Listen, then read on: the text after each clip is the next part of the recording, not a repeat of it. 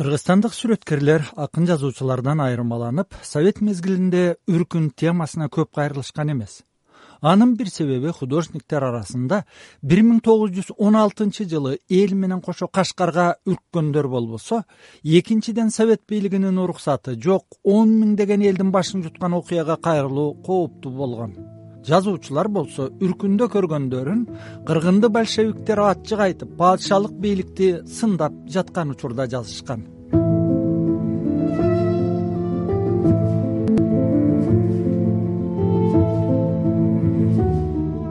Бир миң тогуз жүз кыркынчы жылга чейин үркүн тууралуу үч художник владимир образцов семен чуйков жана белла уиц сүрөт тарткан искусство таануучу айгүл кутуеванын айтымында белла уицтин калем менен тартылган эскиздери мазмуну жактан бир миң тогуз жүз он алтынчы жылкы окуяларды курт чагылдырганы менен баалуу. Ошол согуш убагына чейин э, үркүн темасына көп эле биздин ошол кыргыз сүрөт искусствосунун негиздөөчүлөрү бир темага кайрылганда чуйковдун чыгармачылыгында бар үркүн темасы анан владимир образцовдун жашыруун сыр деген э, композициясы дагы үркүн темага арналган анан э, белла уиттин композициясы ошол баягы үркүн темасы жөнүндө айта кетсем бул жерде башка ушул темага арналган композициялардан айырмаланып белла уиттин композициясы үркүн темасынын өтө баягы курч абалын э, көрсөтүп турат да бул жерде э, ал тандаган мотив эркиндик темасын көрсөтүш үчүн ошол көтөрүлүшкө чыккан кыргыздардын жана орус армиясынын ортосундагы согуш кагылышты ачык чагылдырып көрсөткөн да курч абалды ал баягы реалисттик түрдө ачык даана көрсөтүш үчүн ошол этикалык мүнөздө экспрессивдүү ыкма менен эмоционалдык мүнөздө композицияны жаратып ошол кыргыздардын турмушун алардын сырт келбетин жакшы изилдеп чыгып чыныгы ачык реалисттик композицияны жараткан да көп чыгууралуу композиция бул жерде атчан чыгууралар алдыңкы планда тартылып монументалдык мүнөздө эки э, топтун э, урушу чагылдырылган да. Монументалдык живопись техникасында э, жасалган фреска түрүндө иштелип чыкмак. Азыркы күндө бирок ушул ушул композиция картондо жасалган эскиз боюнча сакталган экен. Бирок азыркы күндө ошол бир дагы ошол музейлерде эч жакта жок. Бул композицияны баардык мен сураштырсам дагы ошол жоголуп кетиптир да дайынсыз э, менин оюмча ушул композициянын өзгөчөлүгү жана саясат менен байланыштуу болгондуктан ошол э, жоголуп кеткен окшойт дейм да. Ал эми кыргыз эл сүрөтчүсү ирустамбек шыгаев жогоруда аталган образцов чуйков уицтин үркүн жөнүндөгү эмгектеринин мазмуну жөнүндө мындай дейт бела уицтин э, жакканы мага да жагат сүрөтчү катары. Себеби бул киши э, баягы кыргыздарды колдоруна мылтык карматып баягы чепкен кийип абдан мындай карандашный рисунок менен графикадан аябай жакын кылып тарткан да.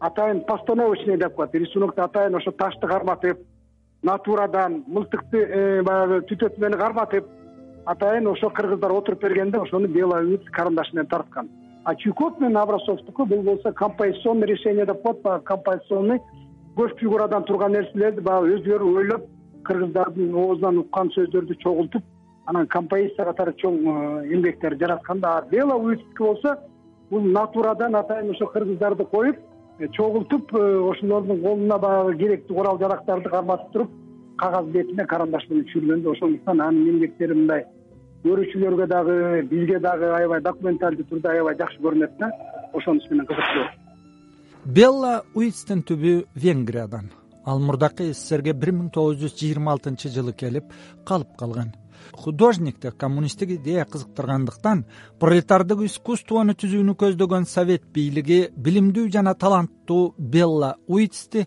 тап күрөшүндө кыйрап бараткан буржуазиялык искусствого каршы афиша иретип пайдаланган москвадагы көркөм сүрөт академиясынын профессору белла уиц өлкөдөгү бир катар монументалдык эстеликтерди жасоого катышып тез эле көзгө көрүнөт.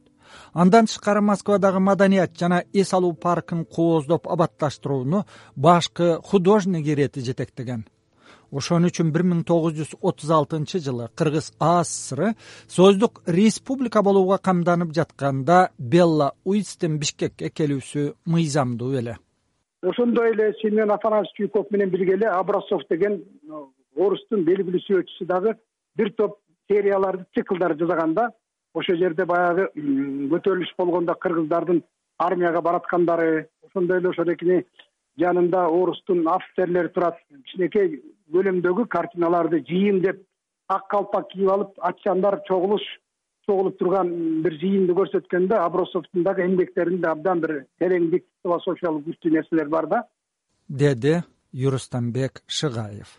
Владимир образцов тарыхый темага эки кесиптешинен мурда кайрылган анын бир миң тогуз жүз отуз экинчи отуз төртүнчү жылдарга таандык кутум кытайга жол көтөрүлүштөн кийин партизандар көтөрүлүшчү деп аталган эмгектеринин жаралышына баялы исакеевдин кыргыздардын бир миң тогуз жүз он алтынчы жылкы көтөрүлүшү деген китеби таасир эткен.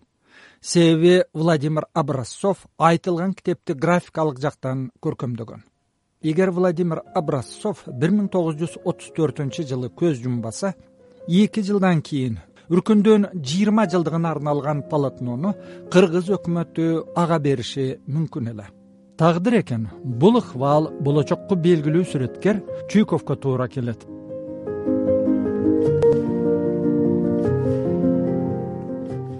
сиздер үркүн темасын биринчи болуп чагылдырган художниктерге арналган радио берүүнү угуп жатасыздар. Семен чуйков кыргыз өкмөтүнүн тапшырмасы боюнча үркүн тууралуу тарткан полотного бийликтин мамилеси сссрдеги идеологиянын өйдө ылдыйына жараша өзгөрүп турганын айтат юрустамбек шыгаев эң жакшы иш болуп азыркы семен афанасьевич чуйковдун иши эсептелет. Себеби бул баягы кыргыз классиктеринин башатында турган абдан бир белгилүү инсан болуп эсептелет. Он алтынчы жылды эң чоң ушу эки метрлик картинасы менен ошо э, семен афанасьевич чуйков көрсөткөн. бир миң тогуз жүз отуз алтынчы жылы жыйырма жылдыгына үркүндүн арналган жыйырма жылдыгына биринчи жолу бул картина коюлганда анан алтын фонддон алынып ороп катып ташташканда муну коюуга болбойт деп чыккан да себеби картинада кыргыздардын көтөрүлүшү көрсөтүлгөн да.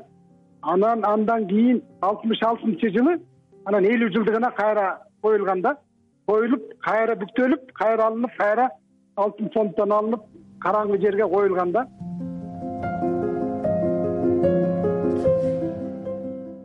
Ошону менен үркүн темасына бир миң тогуз жүз элүү алтынчы жылы үркүндүн кырк жылдыгында кыргызстанда эмгектенген художник давид флекман да кайрылат флекман деген ал элүү алтынчы жылы ошо кырк жылдыгына тарткан да. Флекман деймонттор тарткан. Алардыкы да мындай күңүрт э, өзүнчө композициялык абдан жакшы картиналар. Андан тышкары рынгиндин да бир жакшы картинасы бар. Рынгин деген бул өзү ученый болгон да. Бул академия наукада иштеген анан ошодоки э, жанагы кыргыздын Э, ума эне жөнүндө орнаменттерине өзүнчө бир табышмак берип ошолорду талдап аябай белги катары знак катары мөөр катары ошолордун баарын жазып чыккан да символ катары.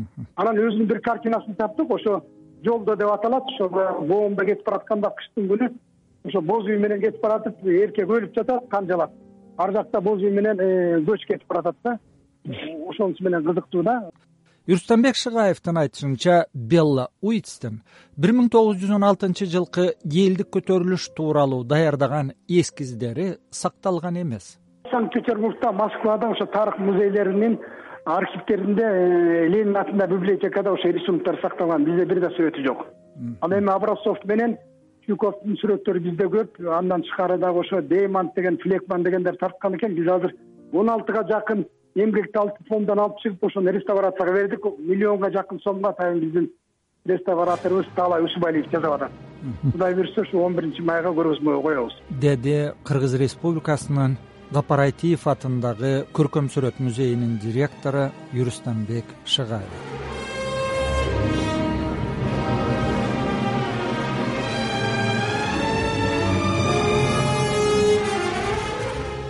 Бул мезгилде эмне үчүн кыргыз сүрөткерлери үркүн темасына кайрылышкан эмес? Анын себебин юрустамбек шыгаев мындай түшүндүрдү ал кезде биздин э, профессионалдык художниктер жок болчу да. Алар кийин гана окушту да. Тиги акылбековдор жапар айтисовдор кийин гана бир миң тогуз жүз бешинчи жылкы э, памяти да под училище зодчество москваны ошону бүтүп келишкен да. Анан бүтүп келгенден кийин да булар баягы жаңы бүтүп келген сүрөтчүлөр такшалып мындай теманы алгандан да коркчу да. Эми советтик бийлик дагы э, бул темага баягы кайрылбаганга тоскоолдук болгон. Ошондуктан бул кыргыздар кайрылган эмес ошентип белла уитс ойлогон сүрөттөр жана декоративдик орнаменттер кагаз бетинде жана макет бойдон гана калган. Сыягы бир миң тогуз жүз отуз жетинчи жылы сталин репрессияны кайра күчөткөндө үркүнгө байланыштуу монументалдык иштер республика жетекчилигинин жадынан чыгып кеткендей.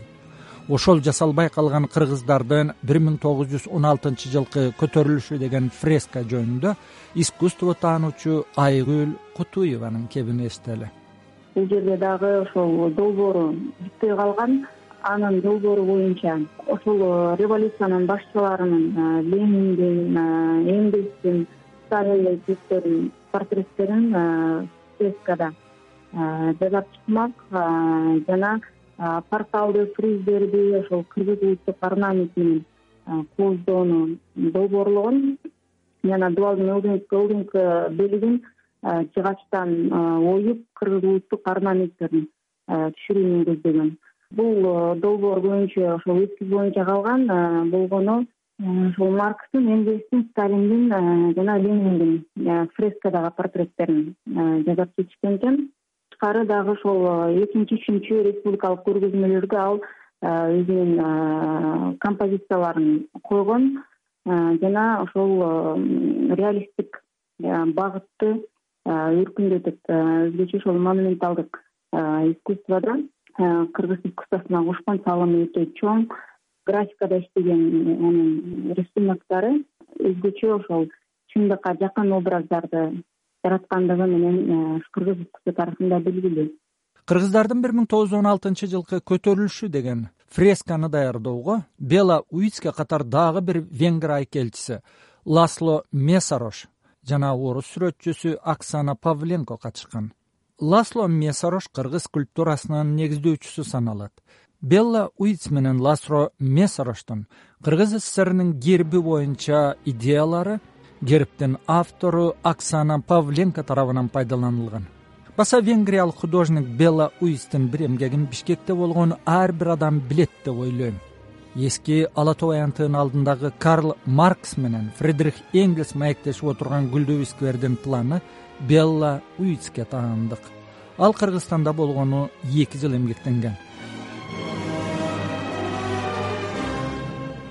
Бир миң тогуз жүз он алтынчы жылкы улуу үркүндү көркөмдөп сүрөткө тарткан художниктерге арналган берүүнү амирбек азам уулу даярдады